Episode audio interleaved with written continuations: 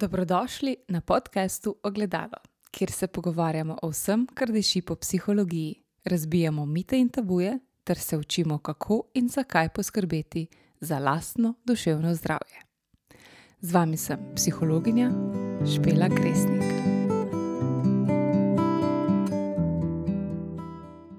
Preden se posvetimo današnji tematiki, vas kot vedno lepo vabim, da mi pomagate razširiti glas o novi epizodi podcasta in tako morda pomagate tudi drugim do različnih spoznanj in novih znanj. To storite tako, da podcast ocenite, napišete mnenje, če imate to možnost na svoji podcast aplikaciji, se na podcast naročite in ga delite z drugimi na svojih socialnih omrežjih. Hvala vsem, ki ste do zdaj vse to že storili. Za vsa vprašanja, komentarje in mnenja sem vam vedno na voljo preko e-maila ali preko zasebnega sporočila na Instagramu. Vsako vaše sporočilo je dobrodošlo.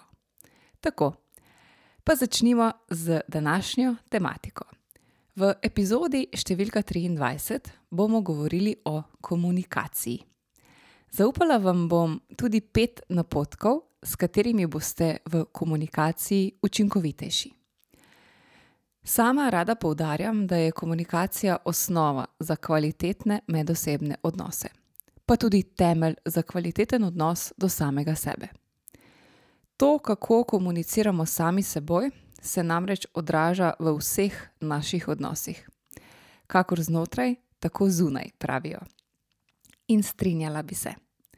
Hvala Bogu, da obstajajo neke smernice, ki usmerjajo komunikacijo v različnih vlogah, sicer ne vem, kako bi vse skupaj zares izgledalo. Te smernice služijo tudi kot meje in vsak človek potrebuje meje. Danes bom izpustila suhoparno teorijo o elementih komunikacijskega procesa in se bom namesto tega bolj osredotočila na to, da vam predstavim, kaj je učinkovita komunikacija in zakaj sploh je pomembna. Seveda pa sem prepričana, da to ne bo zadnji podcast namenjen temi komunikacije. O tem bomo namreč še zelo veliko govorili. Oziroma, pravzaprav o tem neustano govorimo vse čas, praktično v vsaki epizodi. Morda ne tako jasno in enoznačno, pa vendarle. Osebnostna rast na splošno zahteva dobro komunikacijo s samim seboj. Zato tudi sama večkrat poudarjam, da je komunikacija temelj vsega. In v letu 2022 sem še vedno zaprepadena, ko vidim, kako ljudje še vedno ne znamo učinkovito komunicirati, še vedno ne znamo sprejemati mnen in pogledov drugih. In ja, zares sem prepričana, da je neučinkovita komunikacija tudi eden izmed vzrokov za to, da se dogajajo vojne in druge napete situacije, ki jih poznamo. A danes ne bomo šli v to smer. Nasprotno. Želim vas spodbuditi k razmisleku, kaj lahko vsak pri sebi kot posameznik stori, da naredimo svet, v katerem je prijetno živeti. Začeti moramo torej pri sebi, pri svoji komunikaciji, najprej samim seboj potem z drugimi. Dejstvo je, da ne moremo ne komunicirati. In če si boste od tega podcasta danes zapomnili le eno stvar, naj bo to ta, da je ignoriranje najhujša in najbolj neprimerna oblika komunikacije. Najučinkovitejša pa je tista komunikacija, kjer ima vsak aktivno vlogo. Ne smemo tudi pozabiti, da komunikacija vedno poteka na dveh nivojih: na zavednem in nezavednem. Besede imajo manjši vpliv kot neverbalna komunikacija. Zato je dobro, da smo v komunikaciji vedno kar se da pristni. Če tudi nas je strah, če tudi smo v stiski in zaradi tega jočemo. Veliko krat pride do joka takrat, ko smo hkrati žalostni in jezni, naprimer, ker so kršene naše meje ali ker imamo občutek, da nas drugi ne spoštujejo, ne slišijo. Sploh v komunikaciji s starši to ni redek pojav. In tudi meni se je to že zgodilo. Nič ni narobe, če v pogovoru jočemo. To samo pomeni, da smo kongruentni, da govorimo tisto, kar čutimo oziroma mislimo. Žal pa pogosto napačno mislimo, da to pomeni, da smo slabiči, če torej v komunikaciji med tem pogovorom jočemo. Nikakor. Verjemite mi, kongruentnost je lahko velika, velika prednost. Je pa res, da je kongruentnost včasih v veliki meri odvisna tudi od občutka varnosti, torej kako varni se počutimo v nekem odnosu. Cilj človeštva bi lahko bil, da bi se vsak posameznik v komunikaciji počutil varno. To pomeni sprejetega, razumljenega, cenjenega in spoštovanega. Globalno gledano smo res še daleč od tega, pa vendar, spet, začnimo pri sebi. Zato še dve vprašanji na tem mestu za vas. Kako se počutite v večini svojih odnosov? In ali tudi vi za druge sogovornike ustvarjate tak varen prostor? Razmislite. Namen tega podcasta danes je zares to, da v vas prebudim nek razmislek o tem, kako lahko vsak posameznik nekaj doprinese za to, da naredimo boljši in lepši svet, torej svet, v katerem je prijetnejše živeti. Torej, ostajajmo v območju svojega vpliva in poskušajmo vplivati na ta način, da začnemo pri sebi, pri spremembah pri sebi. Kaj pa sploh zajema uspešna in učinkovita komunikacija? Najprej mora biti jasna in imeti nek cilj. To pomeni, da moramo vedeti, kaj in komu želimo nekaj povedati, ter zakaj je to sploh pomembno, da povemo, in kakšen učinek želimo s tem doseči. Ta vprašanja so zelo dobra, sploh preden se lotimo kakšnega upravljanja. In ja, vsi si ta vprašanja premalo krat postavljamo. Brez spoštovanja ni uspešne komunikacije. Prav tako je tudi ni, če je komunikacija enosmerna. Kakovostna komunikacija je torej vedno dvosmerna, to pomeni, da smo nek trenutek v vlogi govorca, potem pa v vlogi poslušalca ali obratno. Tukaj naj opozorim, da se pri vlogi poslušalca veliko krat zatakne. Vsako poslušanje ne pomeni, da sogovornika zares slišimo. Načine poslušanja lahko razvrstimo v tri kategorije. Prva je ta, da ne poslušamo. Smo samo fizično prisotni v nekem odnosu in pod narekovaji poslušamo, ampak zares ne slišimo. Smo odsotni. Druga kategorija je, da poslušamo, ampak poslušamo tako, da si zapomnimo samo tisto, kar želimo slišati. In tretja kategorija je aktivno poslušanje. To pomeni, da aktivno poslušamo, da se trudimo resnično slišati in razumeti sogovornika. O aktivnem poslušanju povem malo več kasneje. Da je komunikacija uspešna in učinkovita, mora biti tudi odprta in tekoča, pri čemer tekočnost omogoča ravno odprtost, to pa pomeni zaupanje med sogovorniki. Če torej ni zaupanja, komunikacija ne more biti tekoča in se poznate tisti občutek ne? zaprtosti, kot da se zaletavamo v nek zid, neviden zid. Prav tako je za uspešno komunikacijo nujno potrebna iskrenost, Torej, da se ne skrivamo za maskami. Maske si običajno nadanemo takrat, ko si želimo biti bolje sprejeti, ali pa takrat, ko želimo ugajati, ali pa celo takrat, ko se želimo zaščititi pred tem, da bi bili prizadeti. Maske izražajo nekaj, kar v resnici nismo.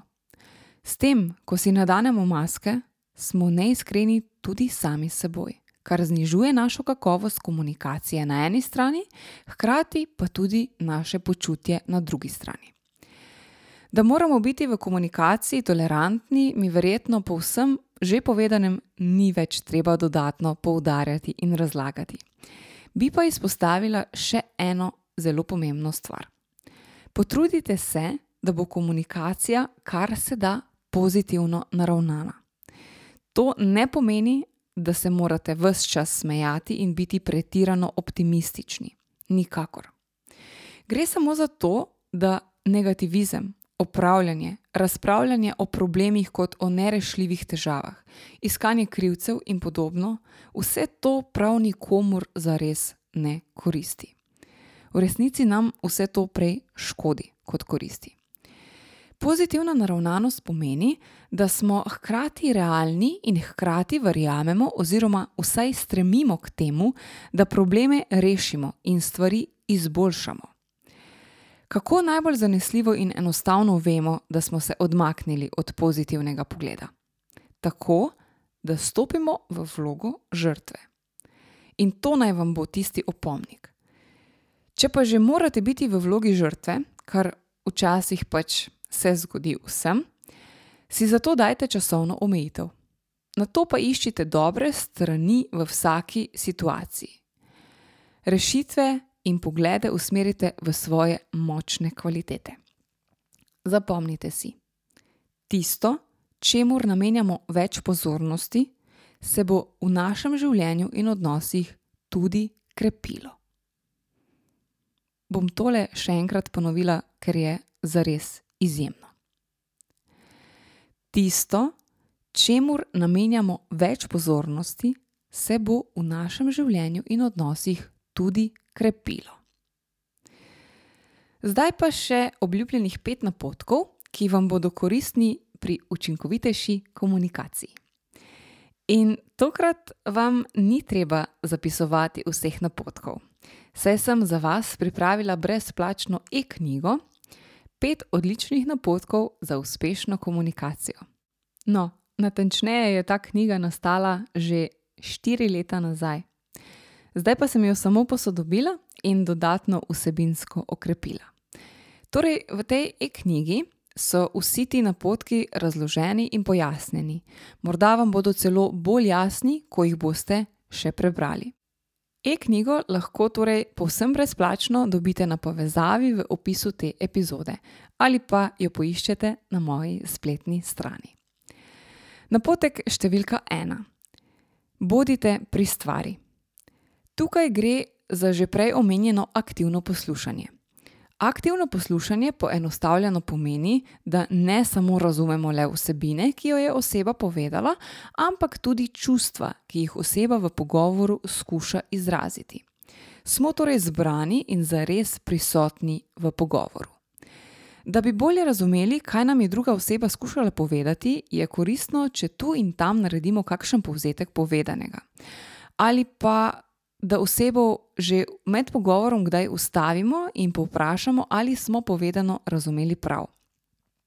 Povzetke pa delamo povsem s svojimi besedami, na kratko povzamemo samo tisto bistvo, in potem na koncu osebo vprašamo, um, torej, ali sem to zadevo razumel oziroma razumela prav.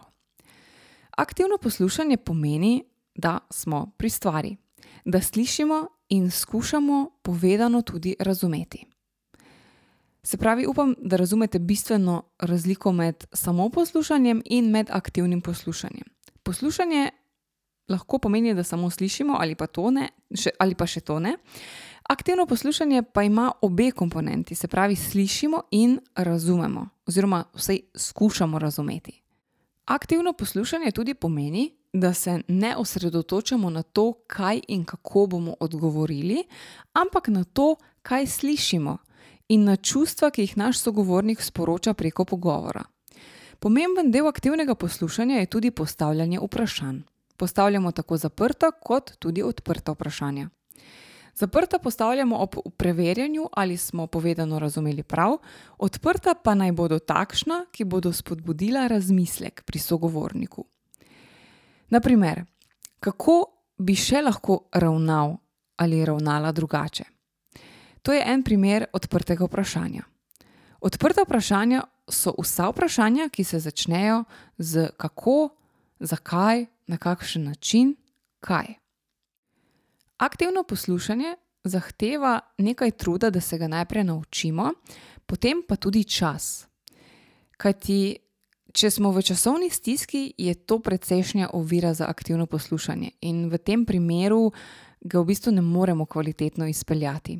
Ampak ne glede na to, da vsi ljudje nimajo uh, teh veščin izpopolnjenih, kar se tiče aktivnega poslušanja, je spodbudno dejstvo, da je to veščina, ki se je lahko vsi naučimo in nikoli, prav nikoli ni prepozno za učenje. Lahko pa z aktivnim poslušanjem naredimo bistvene pozitivne spremembe v naših odnosih. Ne rabite mi verjeti na besedo, um, raje vidim, da boste to poskusili v svojih odnosih in bom potem vesela kakšnega vašega feedbacka. Napotek številka dva. Sprašujte o čustvih. Ta napotek, oziroma vse to, kar bom povedala v nadaljevanju, bi sicer lahko spadalo tudi med aktivno poslušanje. A sem to uh, raje ločila, saj se mi zdi, da si zasluži dodaten poudarek. Razvoj čustvene inteligentnosti je izjemno pomemben. Zato je pomembno tudi spodbujanje razmišljanja in izražanja čustev, torej razmišljanja o čustvih in izražanja leteh. Pomembno je, kako se počutimo, to je dejstvo. Ampak tega se danes zaradi hitrega tempa življenja žal premalo zavedamo. Nič hudega, ne znamo vsi vedno razbrati čustev in občutkov, ki jih sogovornik doživlja. Zato pa imamo na voljo čudežno orodje, ki nam pri tem pomaga. To orodje se imenuje vprašanje. Pomembno je, da postavljamo čim več odprtih vprašanj, če ne znamo presoditi, kako se sogovornik počuti. In recimo nekaj vprašanj, ki vam bodo v pomoč pri odkrivanju občutkov sogovornika. Naprimer, vprašate ga lahko: Zanima me, ali povej mi, kako se ob vsem tem počutiš. Ali pa kako si se počutil, počutila ob tem, ko se ti je to zgodilo. Oziroma, lahko vprašate tudi, kako se počutite, počuti nekdo, vaš sogovornik, zdaj, ko vam to pripoveduje. Torej, kaj se dogaja v tebi ta trenutek, ko mi to govoriš. Če pa občutimo, da je sogovornik, naprimer, jezen ali žalosten ali karkoli drugega, pa ga lahko tudi preprosto, kar neposredno vprašamo, ali je jezen ali je žalosten. In če nam odgovori pritrdilno, ga lahko naprej prosimo, da nam zaupa, kaj točno ga je ujezilo oziroma razžalostilo in podobno. Pogovor o občutkih je pomemben. Že samo s tem lahko osebo zelo razbremenimo. Če nam to ne uspe, lahko osebo vprašamo, kaj bi ji pomagalo, da bi se sprostila, in vidimo, če ji lahko pri tem kako pomagamo. Še eno vprašanje mi je zdaj prišlo na misel, kar se teh čustev in občutkov tiče, ki ga lahko postavite. To je pa, da osebo vprašamo, kje v telesu uh, čuti določen občutek, oziroma vse to, kar občuti, če tega ne zna pojasniti, lahko vprašamo, kje v telesu se ti to dogaja, ravno zdaj. Napotek številka tri. Ne ponujajte na svetov. To je morda nekaj najtežjega, saj smo večinoma navajeni, da neustano dobivamo na svete drugih in jih tudi sami dajemo. In iskreno, to je bilo za me eno izmed najbolj šokantnih spoznanj tekom študija psihologije. Ko so nas soočili z dejstvom, da psihologi ne svetujemo, čeprav ironično ne, se naše delo imenuje psihološko svetovanje, ampak morda je ime malo neposrečeno, pa vendarle nimamo nekega drugega imena. Um, ampak spomnim se tistega svojega prvega odziva. Dejansko je bil to šok. Šele potem, ko so nam razložili, kaj se dogaja v zadju vsega tega, kot vam bom zdaj razložila v nadaljevanju, sem razumela, zakaj um, je temu tako.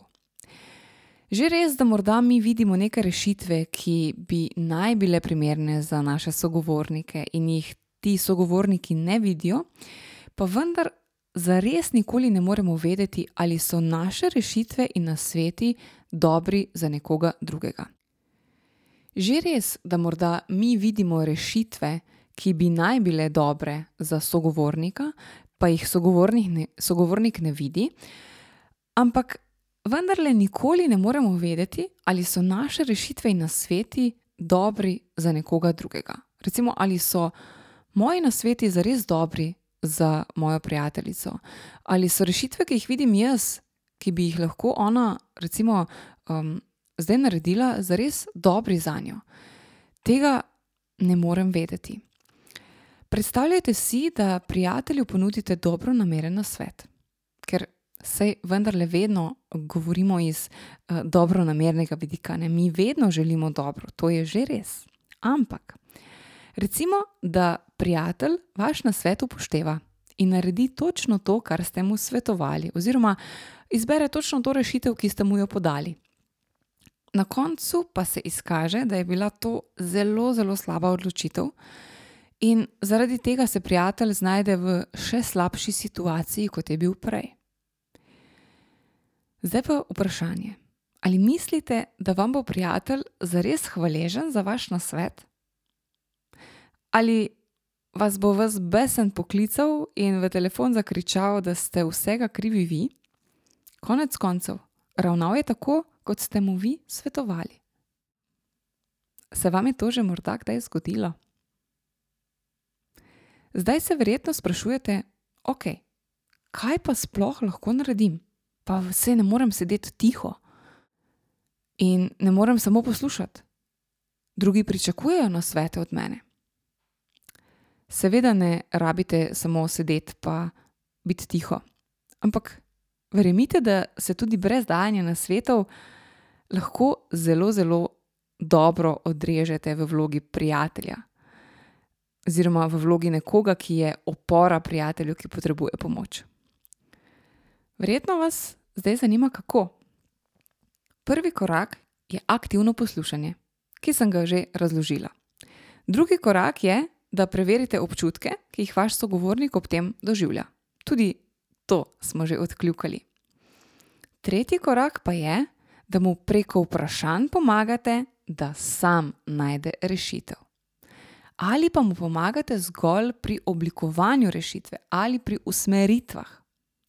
Vendar ne, da ponujate rešitev, ki se vam zdi najboljša.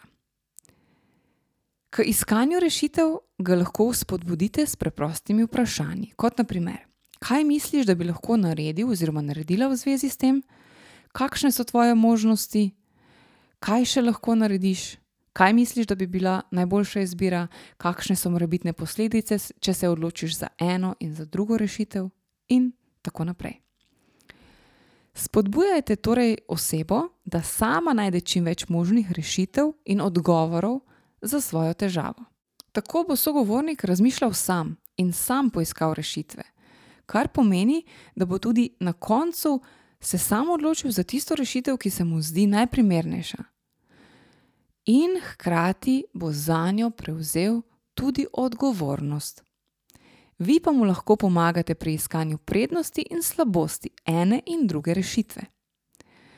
Torej, še enkrat, vam v tem primeru ne bo potrebno prevzemati odgovornosti za posledice, ki jih bodo odločitve prinesle. To se sicer sliši morda nekoliko neprijetno, ampak prepričana sem, da želite ohraniti dober odnos z osebami, ki so vam blizu, ne pa jih izgubiti, ker bodo jezne zaradi vaših nasvetov. Se strinjate? Napotek številka štiri. Ponudite podporo. Nudenje podpore ne pomeni samo, da osebi povemo, da jo podpiramo. Najprej moramo vedeti, kakšne vrste podporo oseba potrebuje. In morda se vam bo zdelo, da um, je vse skupaj že dolgočasno, pa vendar, spet uporabimo prej omenjeno čudežno orodje. Vprašajmo osebo, kaj potrebuje od nas.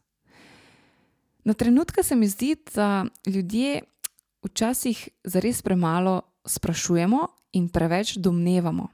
Prevečkrat predvidevamo, da točno vemo, kaj si oseba na drugi strani misli. Pa temu ni tako.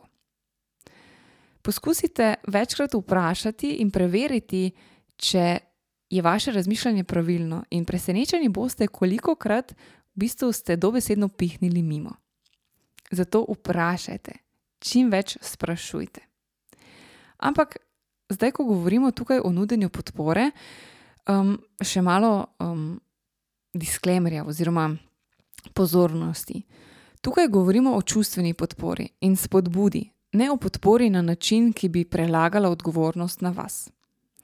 Naprimer, če oseba od nas zahteva, da naredimo nekaj, kar tej osebi ni všeč, da to storimo torej na mesto nje, to ni podpora.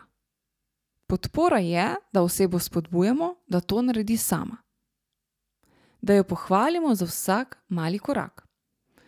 Običajno bodo drugi od nas želeli podporo v obliki objema, recimo, če so v stiski ali če potrebujejo nek pogovor, ali tega, da smo na voljo za klepet, da gremo z njimi na kavo ali na sprehod in podobno.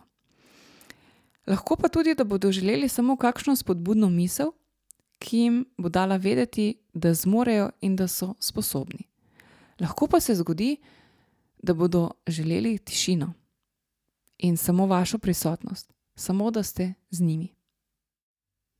Ne bojte se torej spraševati. Še enkrat, prepogosto se zgodi, da mislimo, da vemo, kaj drugi želijo, ali da mislimo, da vemo, kaj drugi potrebujejo, ali da mislimo, da vemo, kaj je dobro za njih. Žal se pogosto motimo. In še zadnji, in verjetno tudi najpomembnejši napotek, napotek številka pet. Postavite zdrave meje. Uf, tukaj bi se zares lahko razgovorila.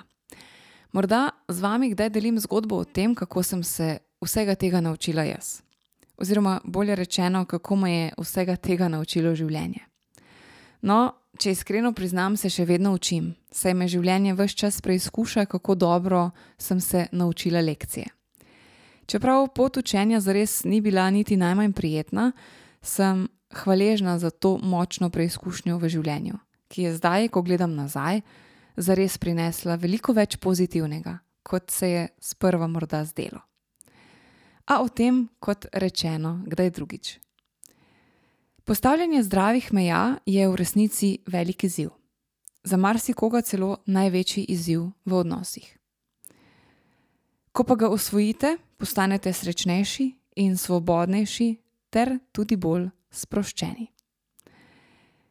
Zgradite pa lahko tudi bolj kakovostne odnose. Drugi vas začnejo veliko bolj spoštovati. Se vam je že zgodilo, da ste dvema ali trem različnim osebam nekaj obljubili, ker jih niste želeli razočarati, potem pa ste naenkrat ugotovili, da se vam vse tri stvari prekrivajo? Panika. Kaj zdaj? Komu reči ne? nikogar ne želimo užaliti. Stop. Vrnimo se nekaj korakov nazaj. Kako to, da ste ugodili vsem trem prošnjam ali zahtevam? Morda zato, ker nobene osebe niste želeli razočarati ali še huje prizadeti s tem, ko bi jo zavrnili že v prvem koraku? Zapomnite si, če ugajate prošnjam drugih zato, ker vas je strah reči ne, potem ste neprestano ujeti v past. Še enkrat. Če ugajate prošnjem drugih zato, ker vas je strah reči ne, potem ste neprestano ujeti v past. Zagotovo je reči ne vse prej kot preprosto. Saj vsi ljudje to besedico ne občutimo kot zavrnitev sebe, kot osebe in ne kot zavrnitev naše prošnje. Zelo malo ljudi zmore zavrnitev sprejeti ravnodušno. Pomislite na se, kako se počutite, ko nekdo drug ne ugodi vaši prošnji. Morda je dobro, da si vzamete nekaj trenutkov in o tem razmislite. Zakaj je pravzaprav težko reči ne? Ker se bojimo, da bomo drugo osebo prizadeli in razočarali. Ali ker mislimo, da nam bo druga oseba to zamerila in se bojimo maščevanja ali pa ker se počutimo krive, se bomo s tem drugega pod narekovaji pustili na cedilu. Ali pa morda zato, ker bo trpel naš ponos, saj smo vedno, ne glede na ceno, pripravljeni narediti vse za druge ljudi. Smo tako imenovani people pleaseri. Se vam pogosto dogaja, da si želite reči ne, pa se bojite, da bodo drugi od vas zahtevali pojasnilo, zakaj ste se tako odločili. In že vnaprej razmišljate, kako se boste opravičili ali celo zlagali. To v vas vzbuja napetost in neprijetne občutke, ter vam pije dragoceno energijo. Imam prav? Lahko bi rekla: Been there, done that. Kako pa bi se počutili, če bi lahko preprosto, brez občutka krivde, rekli ne? Razmislite. Bi bili svobodnejši? Naj vam zaupam, da je to zares povsem mogoče. Reči ne brez slabe vesti se je mogoče naučiti. Zato sicer potrebujete kar veliko mero vztrajnosti in treninga, a verjamem, da če si tega želite, boste vztrajali in se tega tudi naučili. Oziroma, če si želite boljše odnose, več spoštovanja, več svobode, potem boste zagotovo vložili trud in se tega naučili. Pa si poglejmo, kako se torej odzvati na neko prošnjo, ki jo dobimo. Najprej se morate zavedati, da ni nobene potrebe po tem, da se odločite takoj, tako rekoč na prvo žogo. Ko dobite prošnjo, sogovorniku najprej povejte, da boste premislili in mu sporočili svojo odločitev kasneje. Potem se najprej osredotočite nase in razmislite o tem, kaj želite vi. Seveda bodo drugi pritiskali na vas, ampak vedno si lahko vzamete vsaj pol minute, zato da se odločite. In potem, ko se odločite, če čutite, da želite prošnjo sprejeti, jo preprosto sprejmite in uresničite. Če pa niste prepričani, ali želite prošnjo sprejeti, vprašajte najprej po dodatnih informacijah, kaj točno prošnja od vas zahteva. Veliko krat se ujamemo v past, ko rečemo kar ja, potem pa pride od zadaj vse tisto, kar spada zraven, in si mislimo, o ne, ko bi le prej rekla ne. ne? Um, če pa čutite, da želite prošnjo zavrniti, potem sogovorniku odločno in jasno recite ne. To je potem lahko malo težje, vendar z vajo in z nekimi dodatnimi napotki, z malo podpore, se vse to da naučiti. So pa to zagotovo neki prvi koraki in zagotovo bo od začetka zelo neprijetno narediti katerikoli od teh korakov. Neprijetno bo odločno reči ne. Zakaj? Zato, ker v ozadju bomo mislili, da ljudje kar pričakujejo neko pojasnilo, zakaj smo se tako odločili. Pa vendar nam zares ni treba vedno pojasnjevati, ker ljudje smo enostavno narejeni tudi tako, da pač včasih se nam samo ne da, pa nimamo za nekaj posebnega razloga, ampak preprosto čutimo, da nečesa ne bi storili. Ampak če mislite in čutite, da je pomembno, da razložite, zakaj ste neko prošnjo zavrnili, potem to seveda storite. Vendar storite to tako, da prevzamete odgovornost za svojo odločitev in si ne izmišljujete nepotrebnih laži ter izgovorov. Ker vedno, ko si izmislite neko laž in izgovor, morate vedeti, da lažete v bistvu samemu sebi in da se zato ne boste dobro počutili. Osebo na drugi strani lahko tudi prosite, da vam pove, kako se ona počuti ob zavrnitvi prošnje. In če se vam zdi pomembno, povejte osebi, kako se ob tem počutite vi.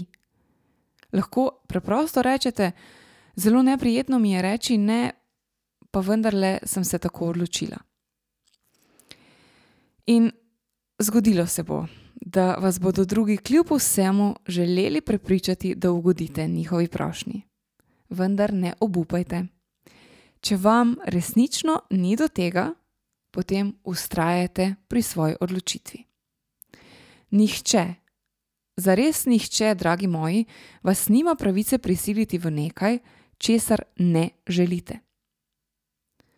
Vedno mora biti ta odločitev vaša.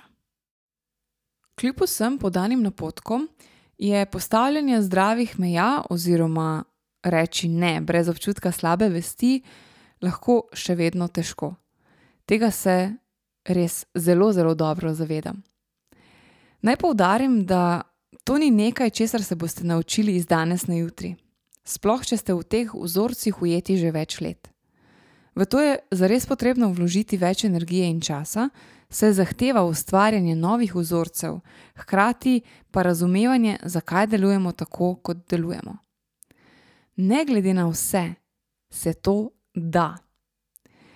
Zakaj to tako stoprocentno trdim? Zato, ker sem sama na lastni koži preizkusila, kako neenostavno se je naučiti ne, ampak se da. In ravno iz tega razloga sem se tudi odločila, da združim teorijo s prakso in sem za vse vas, ki se srečujete s podobnimi težavami, pripravila audio program, kako reči ne brez občutka krivde. In ker prihaja pomlad, ki nam daje nov zagon za učenje, je morda ravno prava priložnost, da vam sama še to nekoliko olajšam in vam omogočim še lažji dostop do programa. Hkrati pa sistem tudi želim mm, na nek način um, dodati neko vrednost svetu, zato ker zares verjamem, da je komunikacija osnova. In tudi postavljanje meja je osnova za to, da se mi počutimo dobro v odnosih, v katere vstopamo. In ta program lahko zdaj do konca marca 2022 naročite po res ugodni ceni. Ampak zdaj ceno bom povedala na koncu, zato ker vam želim najprej še razložiti, kaj vse dobite v tem uh, programu. Prav tako bo povezava, kjer lahko naročite ta audio program uh, v opisu te epizode. Zdaj pa nekaj besed, uh, da boste v bistvu dobili pogled v to, kaj ta audio program zajema. Uh, sestavljen je iz štirih modulov in vsak posamezen modul vsebuje audio posnetek z bogato vsebino in dodatne vaje oziroma naloge, ki jih prejmete v PDF obliki. Z nalogami znanje dodatno ojačate in ga tako lažje prenesete v prakso. V modulu 1 spoznate svoj prevladujoči način vedenja in se naučite, kako se vesti bolj asertivno. Pridobite tudi uvid v trenutno stanje in ugotovite, kje vi potrebujete spremembo. Dobite tudi znanje, kako to narediti, in poleg zvočnega posnetka, torej eh, kratek test asertivnega vedenja v PDF obliki. Modul 2 vas nauči, kako ravnati s prošnjami, ki jih prejmete. In spoznate tudi, zakaj je v resnici tako težko reči ne. Spoznate svoje prepričanja, ki vas ovirajo pri samozavestni zavrnitvi prošnje. Modul 2 vsebuje dva zvočna posnetka, tri PDF naloge in eno tabelo, ki vam služi kot pripomoček za nadaljno utrjevanje znanja. V modulu številka 3 se naučite preproste in uporabne tehnike, ki vam pomaga ustrajati pri svojih odločitvah in osebnih mejah, torej da utrdite naučeno. In modul 3 poleg zvočnega posnetka vsebuje tudi PDF nalogo za utrjevanje naučenega, tako kot vsi moduli. Potem pa je dodan še četrti modul, kjer se naučite, kako se samozavestno izreče prošnja na asertiven način. Torej, dodan je tudi ta aspekt, kako pa izreči prošnjo, ne? ker tudi to je svoj vrsten izziv. Naučite se prositi za pomoč takrat, ko jo zares potrebujete. Naučite se um, tudi, da prositi za pomoč ni znak šibkosti.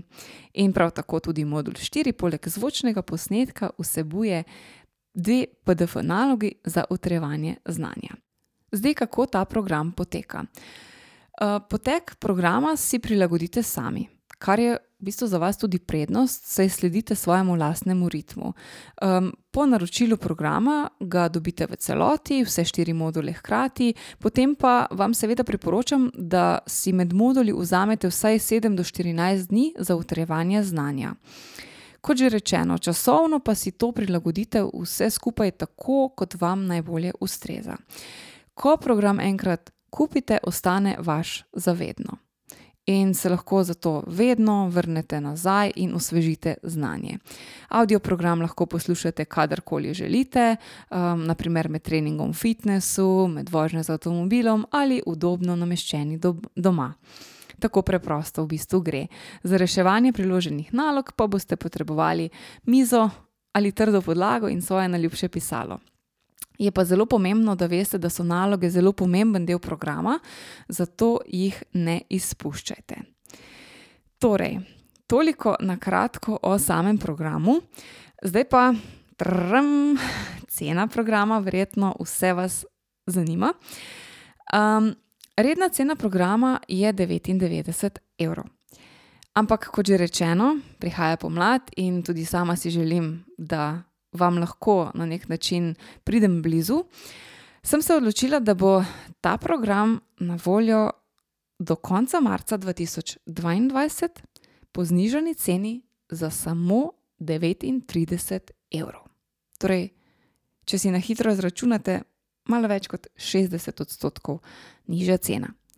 Zato zdaj res nimate več izgovorov, da ga ne ulovite pravi čas. Um, povezava, kjer lahko naročite audio program, vas čaka v opisu te epizode. Zaenkrat je še vse skupaj na stari um, spletni strani, če poslušate to epizodo v realnem času. Uh, zato samo izpolnite tisti obrazec, ki je nekje bolj proti koncu strani, in potem boste prejeli e-mail z navodili uh, za plačilo. Vsi tisti, ki pa poslušate to, um, morda čez dva, tri mesece kasneje, kot pa je bil podcast izdan, uh, pa verjetno lahko um, že uh, ves postopek zelo bolj poenostavljen uh, deluje, ne? zato ker pač kot sem že omenila v prejšnjem podkastu, um, trenutno se moja spletna stran nadgrajuje in ji bo tudi dodana spletna trgovina, tako da vsi tisti, ki boste to epizodo poslušali nekaj časa kasneje, imate potem uh, že um, možnost nakupa v spletni trgovini. To je to za današnjo epizodo. Resnično upam, da sem vas, če ne drugega, uspodbudila k razmisleku o tem, kako vi sami komunicirate. Če ne drugega, pa da boste vse začeli o tem razmišljati. Um, Zares, dajte čim več eksperimentirati s temi napotki, prenesite si brezplačno e-knjigo, da boste te napotke lahko imeli vedno pri roki, da jih še dodatno poglobite in jih potem tako počasi upeljujte v svoje odnose in potem opazujte, kako se dogajajo spremembe. Hvala, ker ste to epizodo poslušali do konca in kot vedno sem na voljo za vsa vprašanja preko e-maila ali preko zasebnega sporočila na Instagramu. Še enkrat vas zelo lepo vabim, da, vkolikor imate možnost, da ta podcast na svoji podcast aplikaciji ocenite, napišete mnenje, podelite na svojih socialnih omrežjih z drugimi. Vesela bom vsakega vašega deljenja, vsakega vašega kontakta uh, oziroma um, odziva. Tako da vse je zares dobrodošlo. In hvala vsem, ki to zdaj že um, zelo um, aktivno počnete. Sem vam zares hvaležna in veseli me, da se naša skupnost iz dneva v dan veča. Želim vam vse dobro.